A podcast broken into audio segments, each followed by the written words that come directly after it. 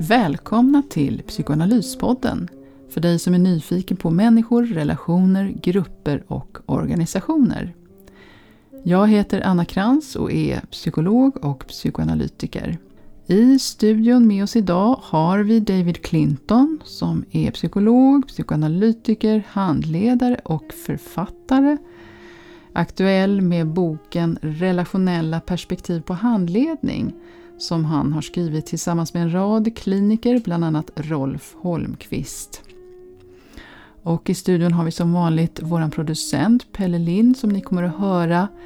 Jag kommer att ställa en del frågor här under programmets gång. Eh, dagens avsnitt, som är vårt tredje, kommer att handla om Donald Winnicott, en av David Clintons favoriter. Citatet, Freud-citatet idag lyder varje skämt, i princip, döljer en sanning. Okej, då sitter vi i vår mobila ljudstudio här eh, hemma hos David Clinton som är vår gäst idag i Psykoanalyspodden. Och som vanligt så börjar vi med att introducera David för lyssnarna. Så jag skulle vilja att du berättar lite om din bakgrund. Vad var det som gjorde att du drogs till psykoanalysen?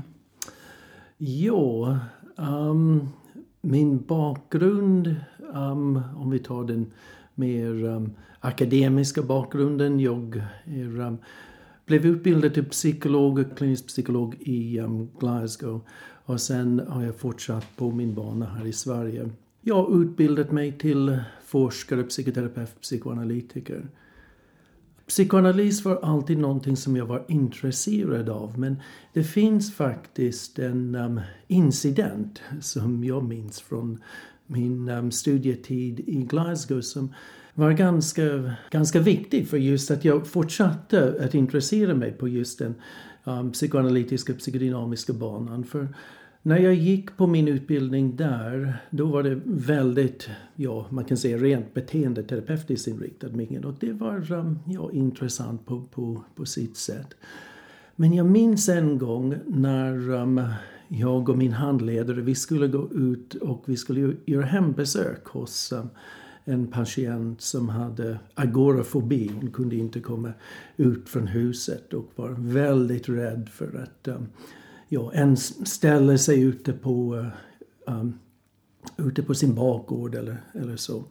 Men när vi pratade med den här kvinnan innan vi började köra den här exponeringsbehandling då um, berättade hon att det var några speciella tillfällen där hon kunde komma ut och vara bland folk. Och då var det när hon skulle hon gjorde i ordning olika typer av ja, inslagna presenter som hon um, tog ut till en um, ja, tågstation och väntade på att folk skulle öppna de här. Då kunde hon um, ja, glädjas väldigt mycket åt just ja, de typer av uttryck som hon såg att personerna hade när de öppnade de här. Och det, det här tyckte jag var lite konfunderande. Jag kunde inte få det att gå ihop med den här um, bilden av den här personen som hade det så väldigt svårt att kliva ur sin bostad. Och um, efter några lite misslyckade försök med um, att um, tillämpa ja, den här um, ja, behandlingsmanualen. Vi var på väg hem tillbaka till, till Glasgow. Och, um,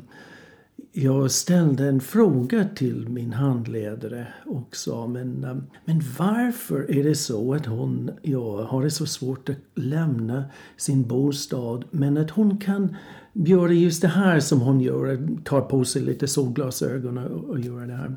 Och hans reaktion var um, Ja, du ska aldrig ställa frågan varför. Du ska bara ställa frågan hur. Då ställde jag frågan varför då? och um, då var det lite av en ja, handledningshaveri där. Men jag blev godkänd till slut. Men det där gjorde ganska stort intryck på mig. Att just hur viktigt det var för mig att, um, att förstå olika saker. Och just, jag tänkte också att just genom att förstå då kan vi också ja, hjälpa personer med just ja, det, som de, det som de söker hjälp. Så du gick psykoanalytikerutbildningen i Sverige. Eh, och vad var ditt starkaste, din starkaste behållning av analytikerutbildningen?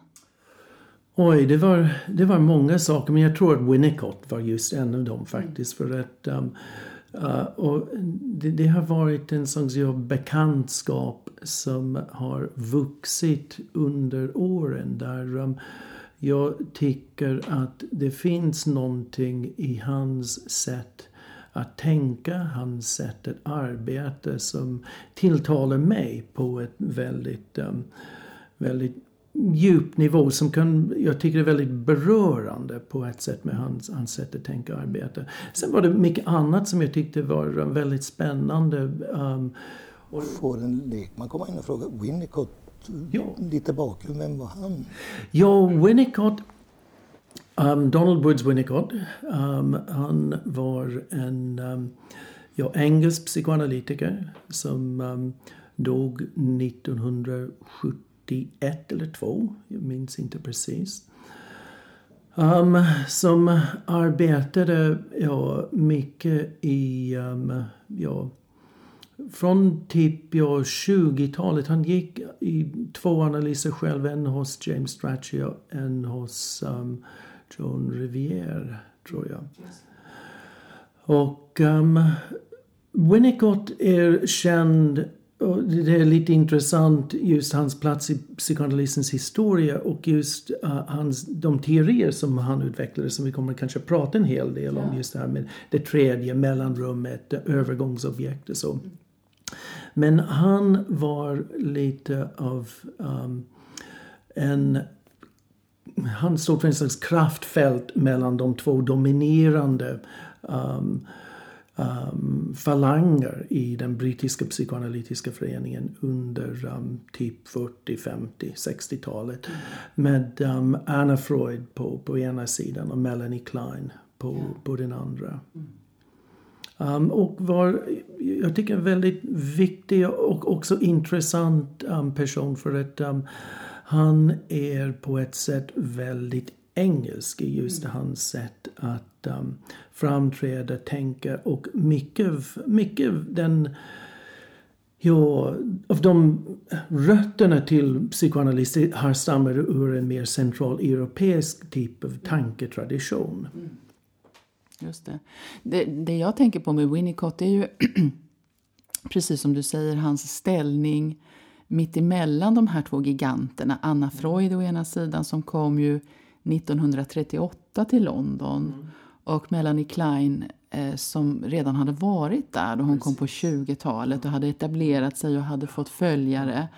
Och de här två damerna liksom bildade eh, en sorts grupper runt omkring sig. Men han, Winnicott som jag förstått det då, att han eh, plockade idéer från bägge läger. Han ville inte ställa sig i, i något av de här. Utan han, var det inte som så att det var ju han och några till som bildade det här som man kom att kalla för middle group? Precis. Ja. ja. Jag tror för, för honom var det naturligt att göra så. För att jag tror det, han hade lite den här engelska empiriska common sense typ av um, ja, bakgrund. Och jag tror han var um, väldigt influerad av um, de mer traditionella ja, psykoanalytiska strömmarna. Men um, han gick sin egen väg. Winnicott var en person som han beskrev det lite senare i sitt liv att han uh, han lärde sig väldigt mycket från sina egna patienter. Jag tror att de uh, dedikationsorden i hans um, kanske viktigaste verk som kommer i slutet av sitt liv, eh, um, Lek och verklighet, jag tror han, han skrev till, um, till mina patienter som har betalat för att lära mig. Ja, okej. Okay. Och, och det här, det, den här lek och verklighet har jag förstått. Den, den, den blev färdigställd nästan på hans dödsbädd. Ja, och han fick aldrig uppleva ja. det enorma mm. genomslag som, som den boken fick. Och som den fortfarande har och på något sätt mer och mer. Och sen tänker jag att eh, Bolby eh, är ju på något sätt eh, ursprunget till attachment theory men Winnicott egentligen lika mycket. Jo, och det är lite intressant eh, man, att kanske skilja lite mellan Bowlby och Winnicott. För båda två var engelsmän. Um, men mycket av den um, tradition, eller Bowlbys väg till just attachment theory gick igenom mycket av de um, djurstudier som man gjorde på um, typ 40-50-talet. De här um, Harry Harlow hans um, apor i USA och som han blev väldigt ja, um, berörd av, tänkte mycket kring. Och um, René Spitz tror jag som, och um, de studier um, som, som kom just efter andra världskriget. Men Winnicott, han var en person, han, han var barnläkare. Ja. Och um, jag tror att jag har sett någon form av uppskattning att under hans karriär, Winnicott um, ska ha träffat ungefär 20 000 barn. Ja, jag har också hört någon sån siffra. Ja. Och så, så han möter han, han möter barn på många, många olika sätt. Jag tror det, det är mycket ur, ja, de har uh, mer vardagliga kliniska typer av ja, möten som läkaren hade med barnen och de här um, mer ja, djupare, längre psykoanalytiska, psykoterapeutiska möten som man hade med barnen. Då, då föddes hans ja. tankar. Och det tycker jag, just att du säger han, han, han kom från, han var barnläkare från början i motsats till Freud som var neurolog mm. och andra som då var psykiatriker ja. så var han barnläkare, och träffat mycket ja. barn eh, och kanske mer friska, alltså, ja. friska barn än till exempel som jag tänker Melanie Klein Ja. Som träffade barn som, var väl, alltså hade väldigt, väldigt svåra problem. Ja, precis. Det tycker jag är en väldigt viktig sak att, uh, att, att, tänka på. Det, det, finns beskrivningar i Winnicotts arbete. Vi arbetar med ganska svåra barn, ja, tonåringar också. också. Mm. Men det som träder fram också som lite av en tema som vi kanske kommer att komma tillbaka till är just betydelsen av det, det vanliga, det, det ordinära. Mm. Um, Winnicott hade den här um, väldigt um, ett känd radioprogram som liknar lite grann vad vi gör ja, idag. Han, han, var ju liksom en, en pionjär. Ja, han var en riktig pion, podd, pionjär. En poddare på sin ja, tid. Precis. Jag tror om han skulle ha suttit här idag skulle han kunna känna igen sig lite ja, grann i, i det här. Men, I gott sällskap. Ja. Han, han, hade väl många avsnitt på BBC? Just. Ja, precis. Jag tror det var ungefär 600 eller någonting sånt. Så jag pass. Ja. Så pass. Men, och det är faktiskt så att många av de här har, um, ja, finns inte längre. De, de har förstörts. På den tiden BBC bara spelade över band. Och det var också så att under um, uh, den här tiden. Som det, det, det, var väldigt populärt just under andra världskriget runt um, 1943. För fortsatte in i um, 60-talet med de här programmen. Men i början fick han inte nämnas vid namn. Jaså? Nej, för det, det, var så BBC hade en policy att um, för om läkaren fick nämnas vid namn då kunde det betraktas som reklam. Aha. så eh, han introducerades ofta med um, nu ska en barnläkare prata till dig om amning till exempel. Och då var det Winnicott som som pratade och hade en väldigt ja, spännande, speciellt sätt att prata. För att han pratade inte om barnet eller om mamman. Han, han pratade väldigt mycket till mamman. Det här radioprogrammet som, som hette, vad var det, en um, The Ordinary Devoted Mother and Her Baby. Ja. Och det är ju och det kan vi rekommendera alla att lyssna på de här programmen. Det är som att han pratar till Eh, till en. Eh, det är en väldigt fin ton. Den känns, den känns väldigt modern. Väldigt modern. Förvånansvärt ja. modern. Och jag har tänkt på det för att det, det kan vi bara nämna att Winnicott eh, hade dels två analyser. En tioårig analys med Stretchy. Och en fyraårig med Joan Riviere som, som du nämnde. Och sen hade han ju också två äktenskap. Ett med en eh, eh, konstnär, Alice. Ja. Brixton eller något mm. liknande. Som lär ha varit väldigt, eh, alltså mått väldigt dåligt, varit, varit nästan psykiskt sjuk. Och eh, de skilde sig ganska sent, 49 tror jag.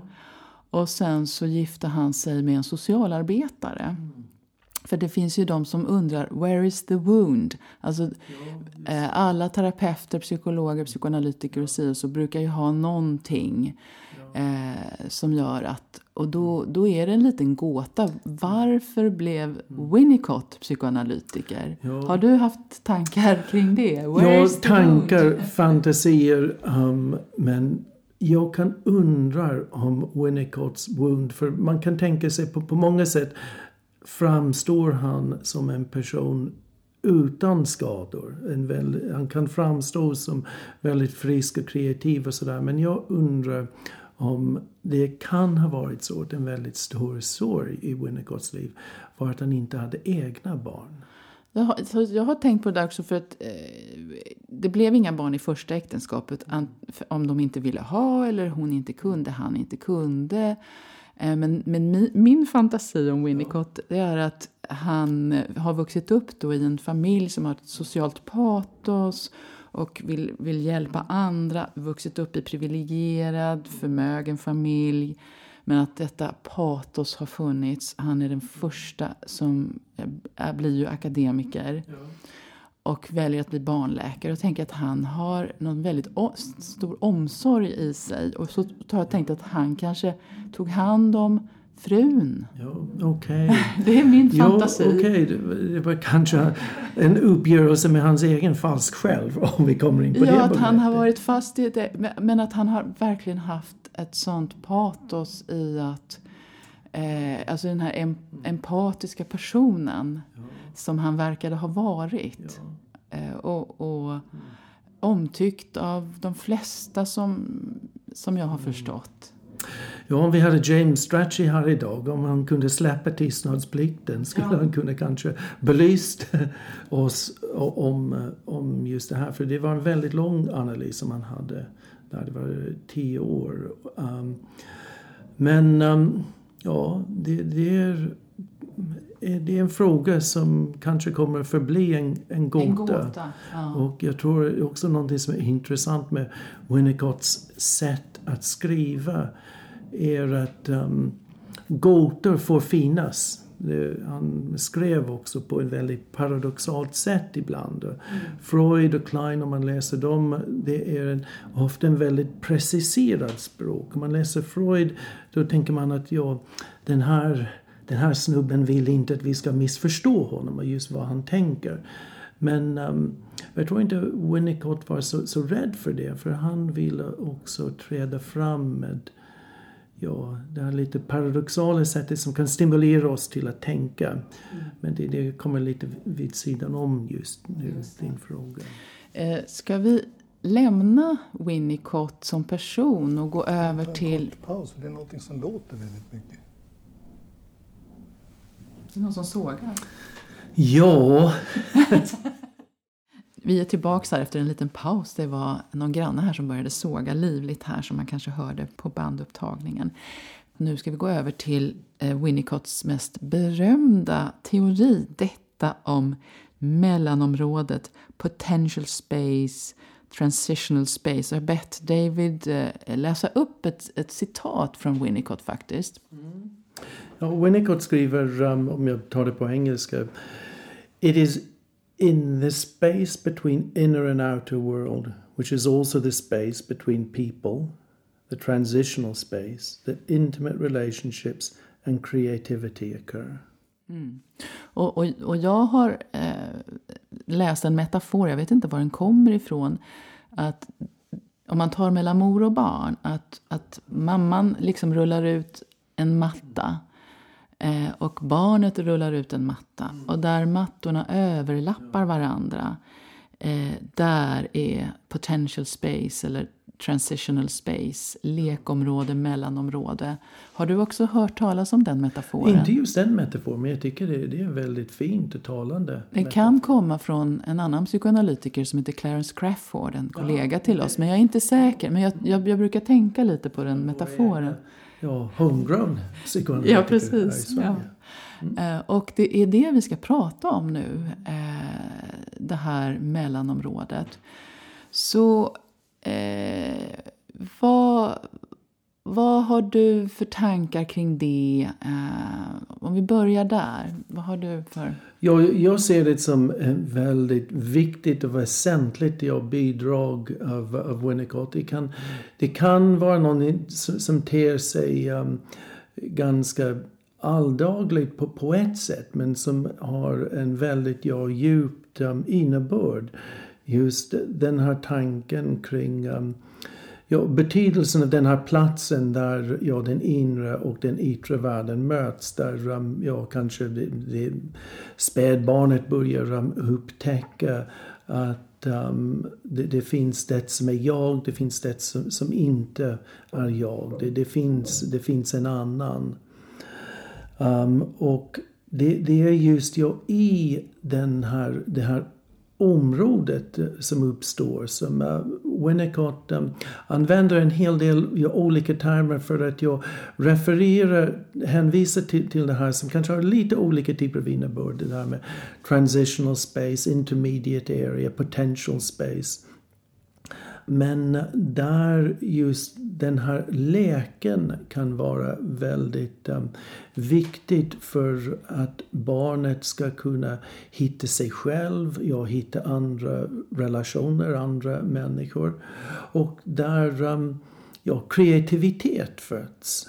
Det här med kreativitet är ju egentligen ett ganska nytt fenomen. Jag läste någonstans att före andra världskriget, eller om det var första världskriget, så, så, så, finns, så fanns det inte så mycket skrivet och tänkt kring kreativitet. Det var eh, ungefär eh, Shakespeare och ja. Gud.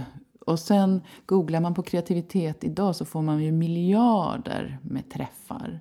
Så det är också liksom ett begrepp, ett fenomen som har eh, vuxit upp och blivit starkt och, och, som folk har börjat tänka kring. Vad är kreativitet? Precis. Och jag tycker någonting som jag tycker är väldigt tilltalande med Winnicott och hur han pratar om kreativitet är han tänker på att um, kreativitet handlar inte nödvändigtvis om att producera en produkt.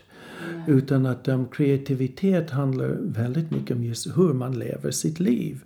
Så han pratar om creative living. Och att vi, vi är alla på ett sätt potentiella konstnärer just när vi betraktar en tavla till exempel. För att det, det är då i den här um, um, lekområdet, det här um, um, mellanområdet där någonting händer mellan oss och ja, med, med konstnären eller, eller verket eller så. Och att vi kan öppna upp oss själva till um, andra nya typer av, av upplevelser. Det, det, tycker jag är en väldigt ja, intressant och, och fin tanke. För annars kan det vara så att när man pratar om det här med kreativitet.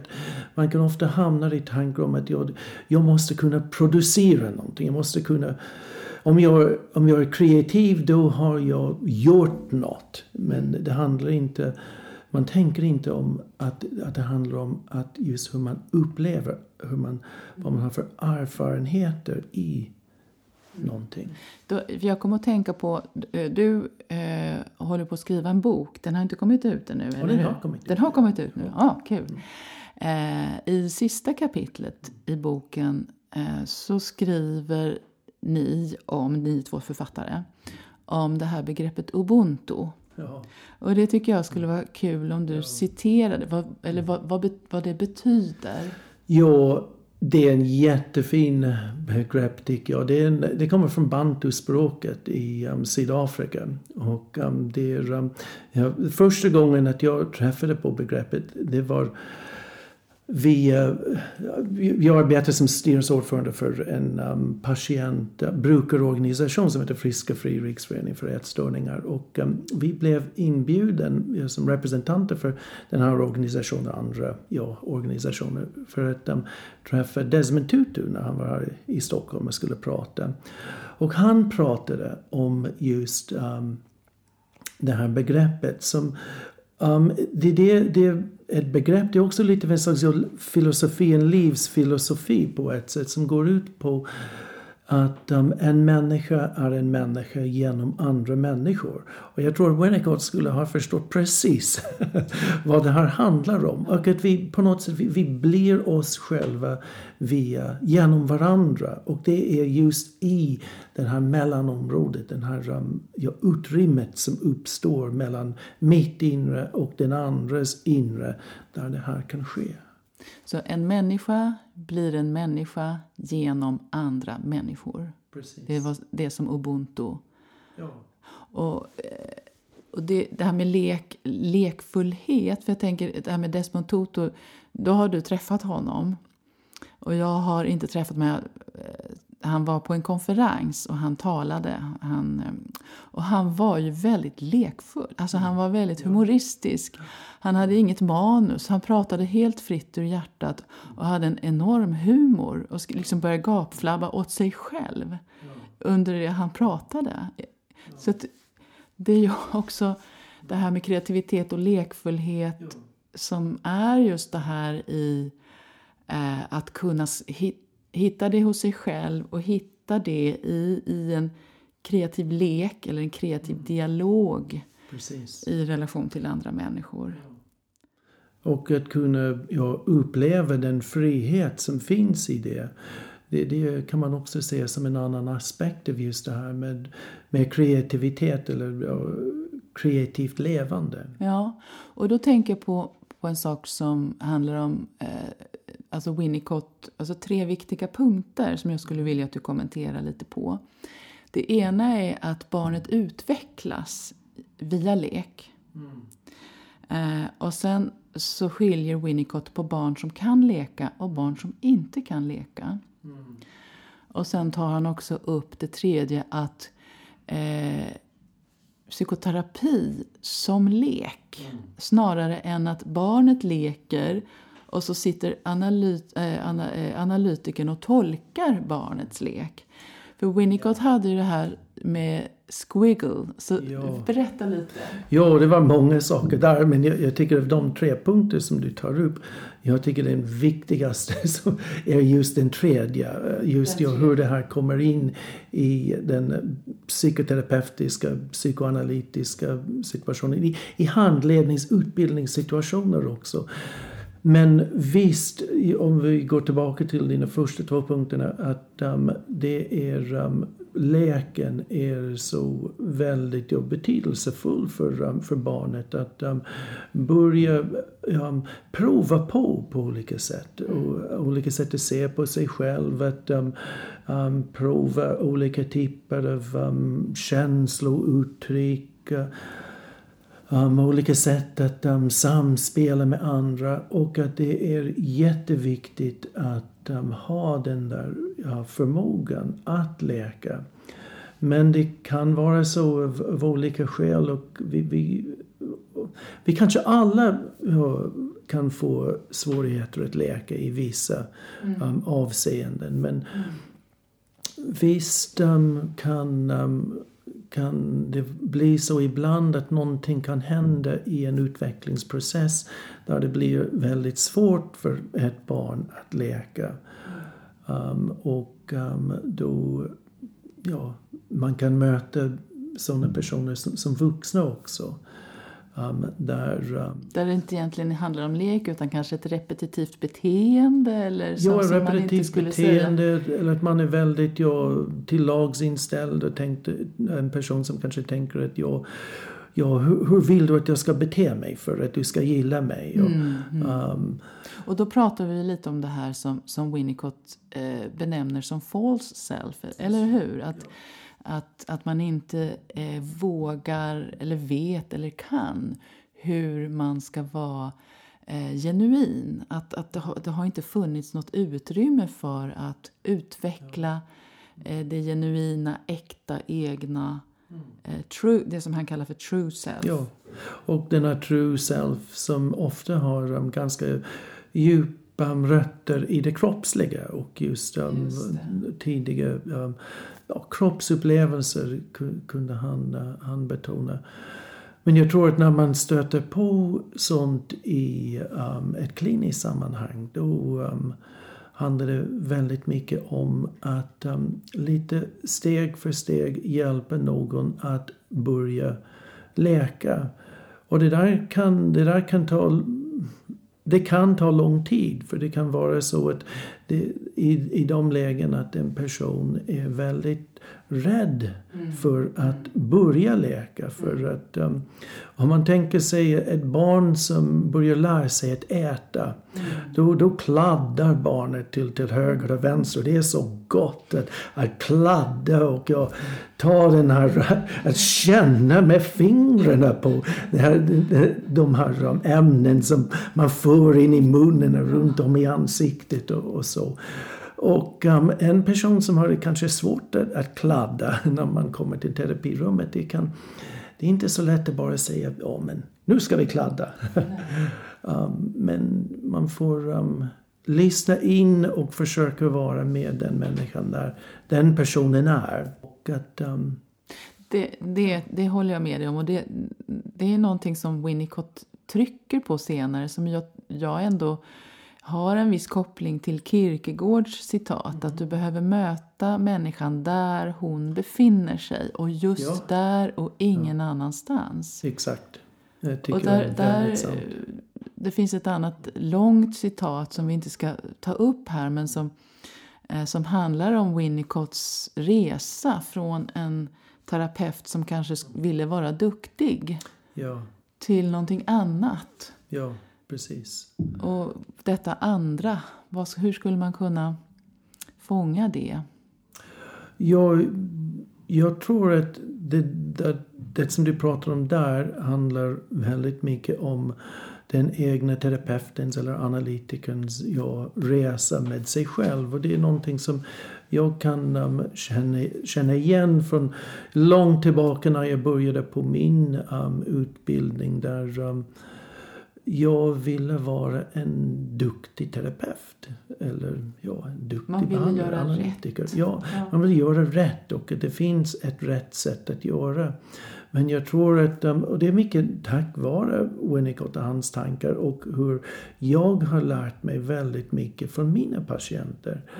Att um, det, det handlar väldigt mycket mer om att kunna lyssna och vara med en person och att vara, vara nyfiken. Och jag tror som, som psykoanalytiker vi ofta um, lär oss eh, att det, det är väldigt viktigt med just tolkningar.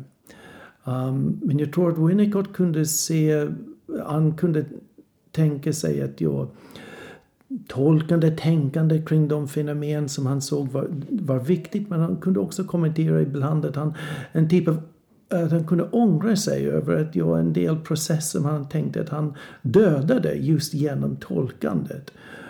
Och jag kan känna igen mig i, i det där. Och um, jag tror att, um, eller någonting som jag har personligen upplevt som väldigt viktigt är just det här med att hjälpa en person att kunna bli ja, nyfiken på sig själv. Mm. Och det, då behöver jag också använda mig av min nyfikenhet. Mm. Och det, det, är då att jag tror att olika typer av läkande processer mm. utvecklas och att um, personen ja, hittar till slut sina egna svar på frågorna. Mm. Och de där svaren behöver inte komma från mig. Nej, det är lite grann att rulla ut en matta som du pratade om tidigare. Den metaforen kommer igen även här. Jo. jo. Mm. Sen, sen tänker jag på en annan sak som är viktigt när man pratar om Winnicott. Att han, han var ju lika inspirerad av Melanie Klein mm. och hennes eh, teorier om eh, destruktivitet, aggressivitet. Ja. Så det mm. skriver han ju också. Det ska vi inte mm. glömma när vi pratar om Winnicott. Att han, han, han, mm. han skyr ju inte den, de sidorna av, ja. av människan. Eh, utan eh, som jag har förstått så är det lika viktigt för honom att förstå ja. och hjälpa ja. eh, analysanden att, att mm. också se Absolut. de sidorna. Ja. Han, det finns ett, ett mm. citat, han, han säger att, eh, att en förälder eller en terapeut eller en, en vårdnadshavare har rätt att det här låter ju inte klokt nu för lyssnarna men to hate, objectively hate eller någonting sånt. Mm. Att eh, ibland finns det skäl för ett objektivt hat. Det är ett starkt mm. ord. Men, ja, det, det, det, är ett starkt ord. Det är en stark känsla. Men det är också någonting som är naturligt, som, som uppstår i våra uh, mänskliga um, relationer. Och att um, där kommer också in um, Winnicotts um, tankar kring härbärgerande holding. Om just ja, hur, hur viktigt det är i sådana lägen att kunna um, härbärgera Eh, sånt tillräckligt för att eh, um, ja, alla föräldrar, alla terapeuter um, gör, um, gör misstag. Det kanske är framförallt lätt att göra ja, misstag ja, när sådana här ja, starka känslor kommer, kommer i omlopp. Men han menade också att det här är lite grann ja, barnets uppgift att testa föräldrarna på det här sättet och ja, kanske också patientens um, uppgift på olika sätt att testa. För att ja, det är genom just här testandet att man också hittar de här um, inre ramarna. Så om man inte kan hata blir det också svårt att älska. Mm. Det kanske kan också låta jo, lite paradoxalt. Att, att, ilskan eh, är liksom lika viktig att ha tillgång till mm. i, i att då kunna sätta gränser. Mm. Eh, precis som lekfullheten och kärleken och de bitarna. Mm. Så att eh, en människa har tillgång till sina gränser, till sitt nej. Som, som kommer ur den arg, arga kraften av nej. Eh, och det tycker jag är viktigt att, att påpeka här när man pratar om Winnicott. För Winnicott blir lätt lite sån här mysfarbror bara, eller Ja, just det. Det, det, det, det, det är sant. Ja. Men han är inte bara en mysfarbror. Han är inte bara en mysfarbror. Men jag tänker på en sak som jag hörde om Winnicott, att det fanns analysander som hade gått i analys, att det fanns ett rykte om Winnicott att Eh, om ingenting annat hjälper så går man till Winnicott. och att, att han har haft en del analysander som har gått i, i analyser tidigare och inte ja. fått hjälp. Just det, och långa analyser. Och långa analyser. jag tror jag hörde en, som, en kvinna som hade gått i ja, minst två långa analyser och um, um, fick uh, fick en typ av hjälp som hon um, inte hade fått tidigare. Det var, det, hon kom till honom ganska sent i livet och um, det, det, blev så att hon kunde i alla fall leva ja, några, sina sista år med en mer av en känsla av accepterande än mm. hon kunde göra tidigare. Men, mm.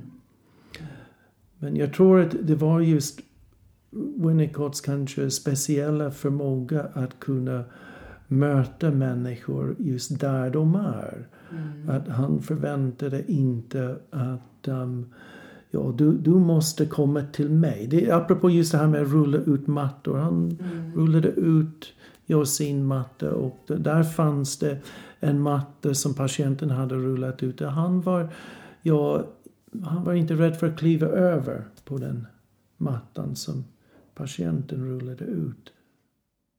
Men då med, med en sån respekt för den personen. Ja. Att det är den personen som äger ja. sin berättelse, som äger sina känslor, som har...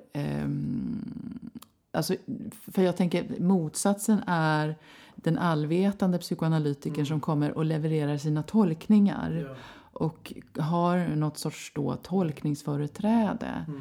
Eh, och att analysanden bara eh, accepterar och accepterar de här tolkningarna som kanske inte egentligen är Nej. sanna.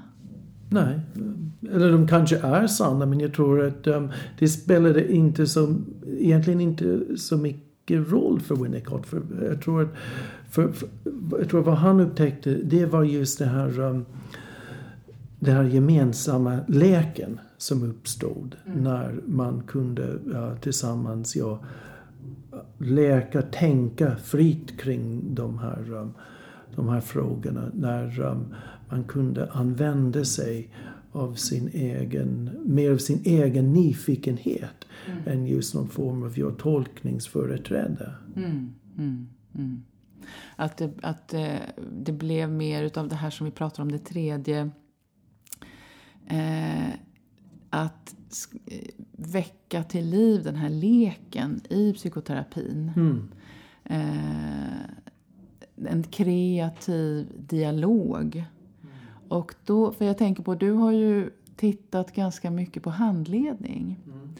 Och hur det kommer in, så att säga. Och det, det, den här boken handlar ju väldigt mycket om, om eh, relationell handledning. Mm. Skulle du vilja säga några ord om, om det? Visst, jag, jag tror att um, mycket av um, vad vi pratar om här, och lekfullhet och just ja, hur um, man kan ofta tänka sig att det finns rätt och fel sätt. Det är någonting som kan finnas i handlednings och utbildningssammanhang också.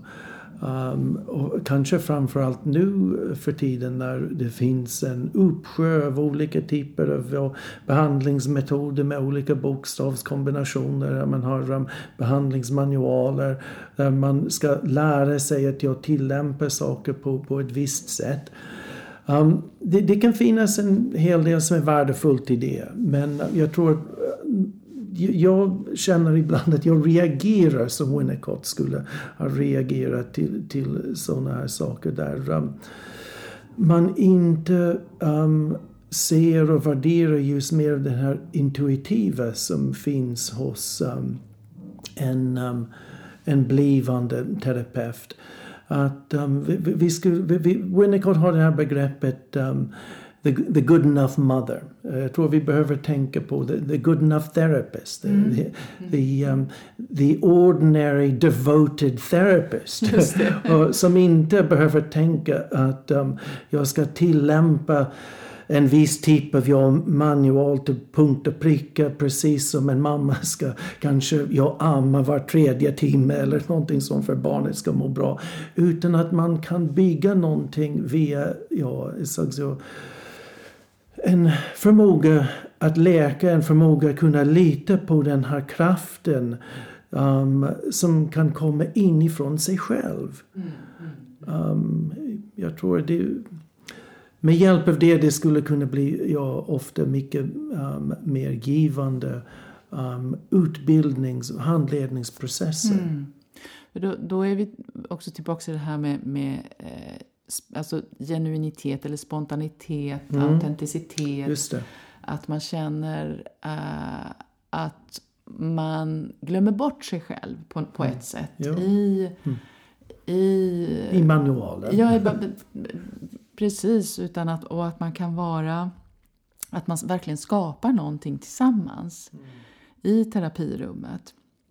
Och att du känner att det är viktigt också i handledning att mm. du och den du handleder att det blir en mer jäm, jämställd. Även Absolut. om handledaren jo.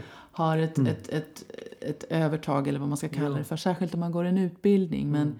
men, eller kanske ska bedöma och si och så. Mm. Men att, att det blir en mer lekfull eh, jämställd relation. Ja, absolut. Jag tror det blir mer av en givande um, handledningsprocess det. I, i det läget. Och um, det är i det läget också där jag som handledare har väldigt mycket att lära mig. Ja. I, just från um, den som jag, som jag handleder. Som du handleder. Och det, det tycker jag liknar egentligen barns lek om man tänker sig att det finns barn som leker en fantasilek och de, de spinner på varandra och de har roligt och de är helt upptagna av denna lek. Eh, till skillnad från, från kanske lek där ett barn bestämmer. Nu ska du vara hund och du ska ja. sitta där och nu är jag mamman här och du ska göra så och nu är jag si. Mm. Då, är, då, då, då, är det ju ingen lek, Nej. eller hur? Som ja. i, Precis. Jag tror också någonting som viktigt som vi skulle vilja tillägga här är att det här gäller också i um, handledningssituationer som kan beröra forskning. För mm. det, det, är också en annan ja, del av mitt mm. arbete. Um, jag jobbar med forskning och en del um, forskningshandledning och så. Att, um, det, jag tror många ja, blivande forskare kan hamna i ett liknande typ av situation där man tänker att man ska vara på ett visst sätt. Man ska mm. tänka på ett visst sätt. Och, ja, forskningsvärlden är, också kräver en viss typ av um, ja, um, conformity. Och, um, men där är det också väldigt ja, viktigt att hitta just den lekfullheten. Och jag tror att om vi tittar, om vi bred, utvidgar perspektivet och tänker på just den, den vetenskapliga historien lite mer allmänt att det finns några väldigt fina exempel på just ja, där vi har kunnat göra några av um, historiens viktigaste vetenskapliga upptäckter just med hjälp av lek. Jag, jag tänker på Einstein och just hans um, tankeexperiment som han kunde göra som um, som hjälpte honom att ja, upptäcka sin relativitetsteori som man kunde formalisera i termer av ja, matematiska formler och, och så vidare. Men det där var någonting som föddes mycket ur lek. Och man tänker också på, på Stephen Hawking, just ja, hur um, den värld som han levde i, där han var på, på vissa sätt väldigt avskilt från världen, men som un, på grund av sin sjukdom. Men där han kunde men han kunde delta och ja, tänka kring många av de problem som han ja, ville fördjupa sig i på ett väldigt lekfullt sätt. Mm. Så jag tror det där är också någonting som vi kanske behöver uppmärksamma och betona mer. Mm. Även när det gäller ja, den, den vetenskapliga världen och just hur, hur den världen Ja, den, eh, precis. För kreativitet är så många olika aspekter. Alltså den eh, som del, liksom grenar ut sig i olika fält kan man säga. Mm. Eh, någon, en, en, eh, en sak som, som skulle vara lite kul och, mm. och ha som ett tankeexperiment apropå mm. teknisk innovation mm. det är ju internet. Och, mm. eh, du, du, jag, jag förstår att du handleder volontärer på mm. någonting som kallas för Tjejzonen. Och det, det, var för några år sedan, jag gör inte det nu. Inte, men, inte nu längre. Men under flera år gör jag det. Ja. Mm. Eh, för där i den här boken så skriver du ja. om eh, hur, apropå det här också, pseudorelationer. Mm. Och eh, tjejer som... Eh, du kanske ska berätta bara berätta några ord om Tjejzonen. Vad, vad det ja, just är. det. Det är just den här verksamheten. Det handlar om eh, vad man kallar för ätstörningschatt.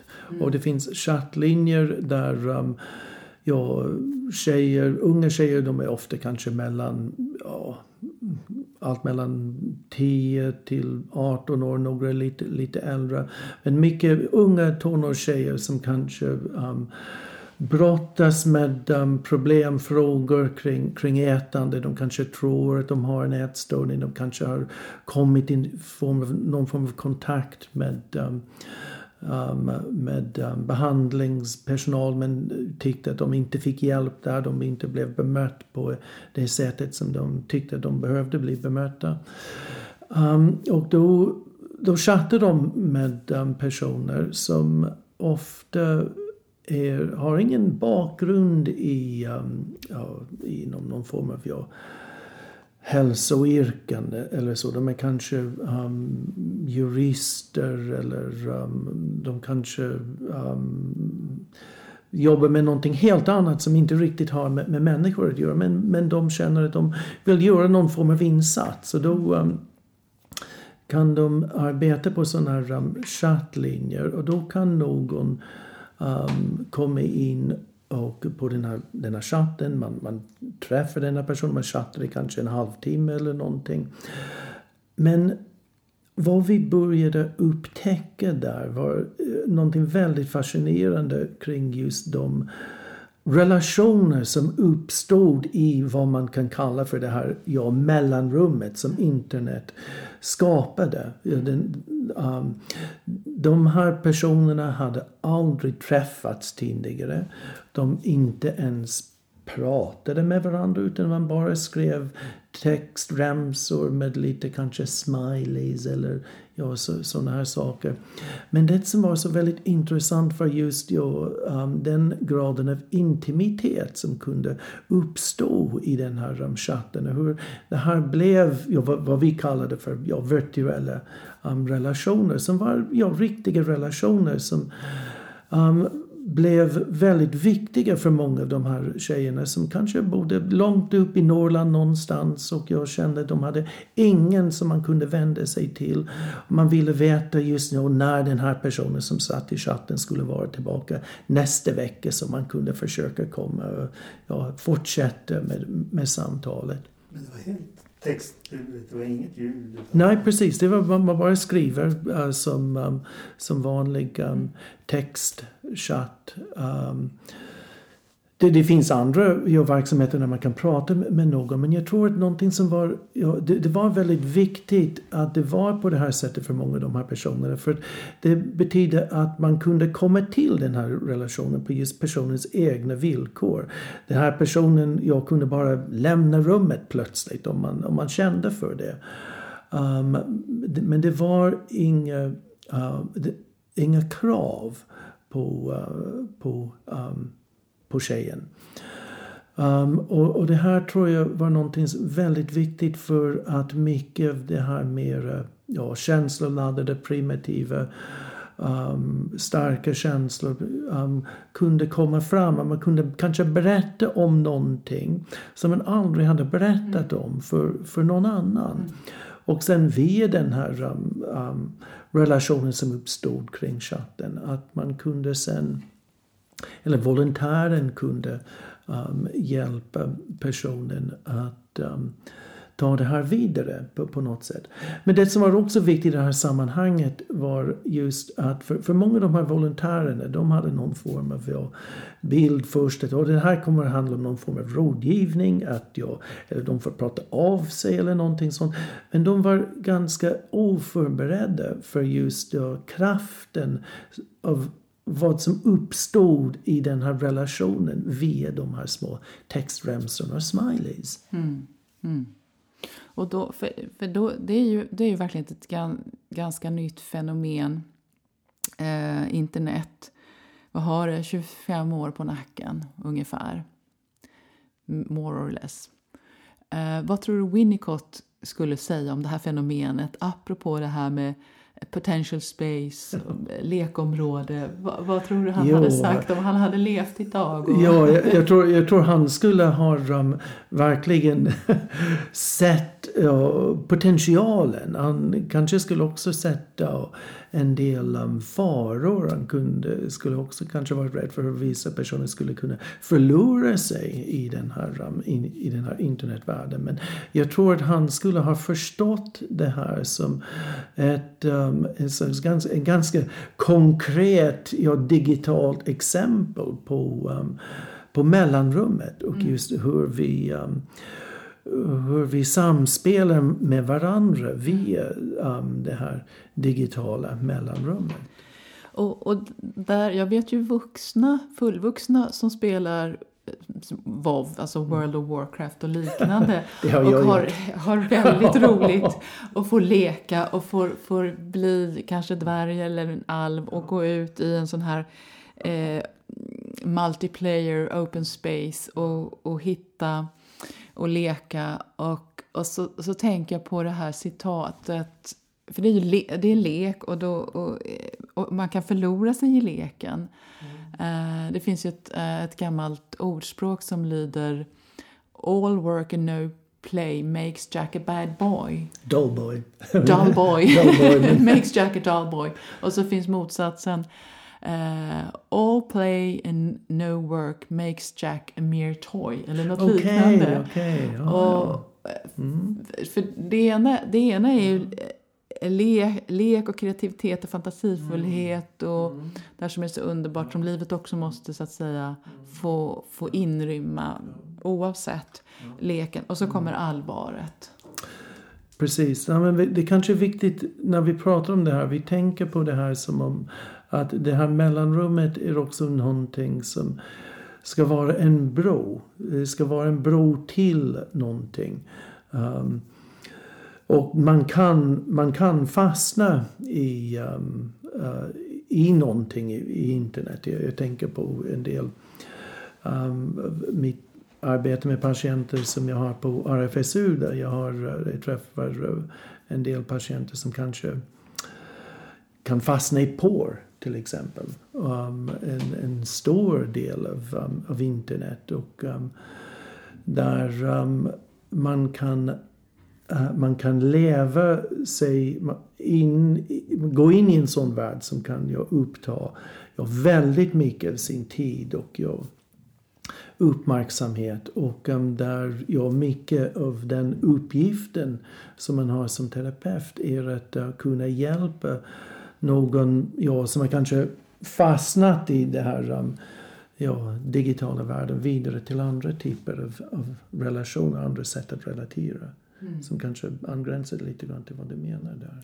Ja, alltså jag tänker att, att eh, internet precis som den verkliga världen är ett tveeggat svärd. Ja, att, eh, det finns... Mm. Eh, som den verkliga världen. Som den verkliga världen. Eh, men men det jag, det jag tänker på det är ju det här, eh, alltså en, en person kan ha en massa idéer och vara jättekreativ. jättekreativ. Mm. Eh, men det blir aldrig någonting konkret så att säga. Mm. Alltså att eh, ja.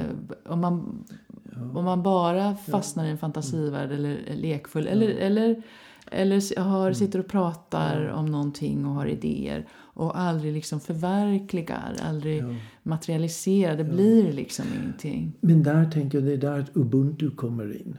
För att det, det, det, det är där att man kan ja, bli sig själv genom att vi blir oss själva genom varandra. Mm. Att det är just när man kanske fastnar i någonting som är så väldigt ja, eget utan att andra är, är med. Vi invol, utan att vi involverar andra. Det är när vi kan um, tillåta andra komma in och när vi vågar kliva in i ja, den andras värld. Att, ja, att mer av den här um, kreativiteten kan um, förverkligas i någonting som uh, som också, är ett, ett, som också blir ett arbete som blir ja, eh, som är lite, lite blod, svett och tårar. Alltså ja, att, att exakt. Inte bara fantasier. Inte bara, inte bara stanna i fantasivärlden. Mm. Jag var lite nyfiken på de här tjejerna. Tror du det hade funkat lika bra att killar hade suttit och skrivit?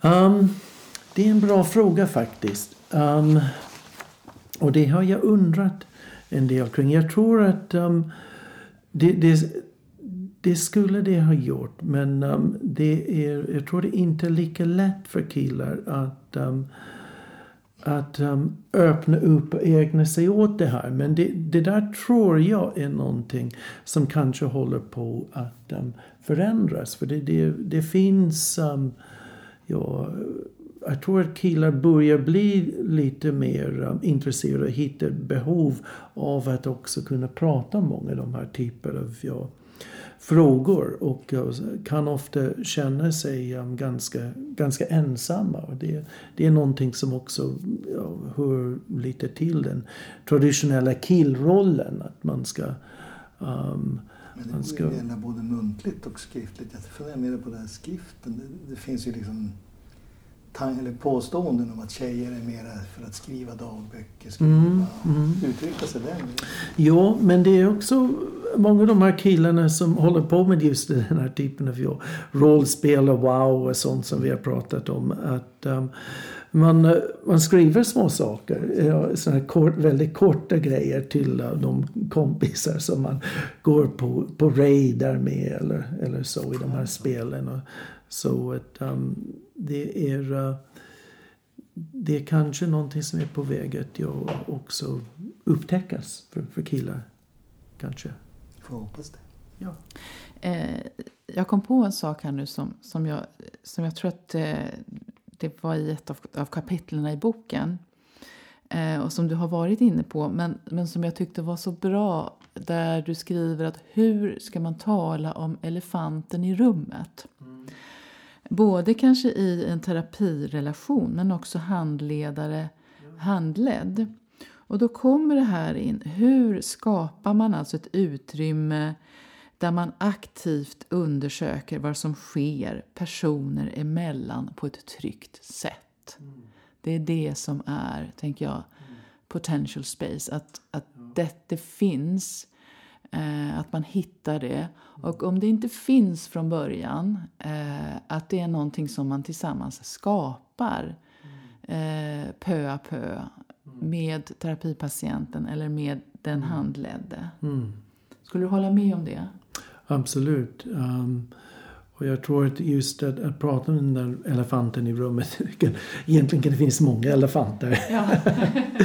Ja. um, det, det, är viktigt. Det är, um, det är inte helt lätt. Jag tror det är inte alltid så lätt för terapeuten. För att det innebär att vi måste kanske vara mer transparenta om man använder det begreppet. Eller vi ska kunna träda fram och um, vara mer oss själva. Och det, det, här är någonting som det här för oss in på ett område som um, man skulle kunna kanske prata mycket mer om som har att göra med neutralitet i um, psykoanalys och psykoterapi. Mm. Och, um, men också där jag tror att Winnicott var lite av en pionjär med hans tankar om ja, motöverföring och motöverföringstolkningar och just hur um, jag tror att det finns mer av en öppenhet idag till att um, um, terapeuten ska kunna ja, på något sätt visa mer av just hur man faktiskt är. Och kanske göra kommentarer kring ja, egna tankar eller um, egna känslor. Det, det, här är lite kontroversiellt och det, det är um, någonting som, ja som sagt man skulle kunna prata mer om men jag tror att um, det, det, är en del av just det här med att börja prata med elefanten i rummet. Ja. Okej, eh, tack så jättemycket David för att vi fick komma idag och ja. ha det här samtalet med dig om Winnicott och mellanområdet Eh, och vi hörs och ses nästa gång, säger vi till alla lyssnare. Och tack Pelle också som satt vid tekniska spakarna. Och tack till er. Det var jättetrevligt.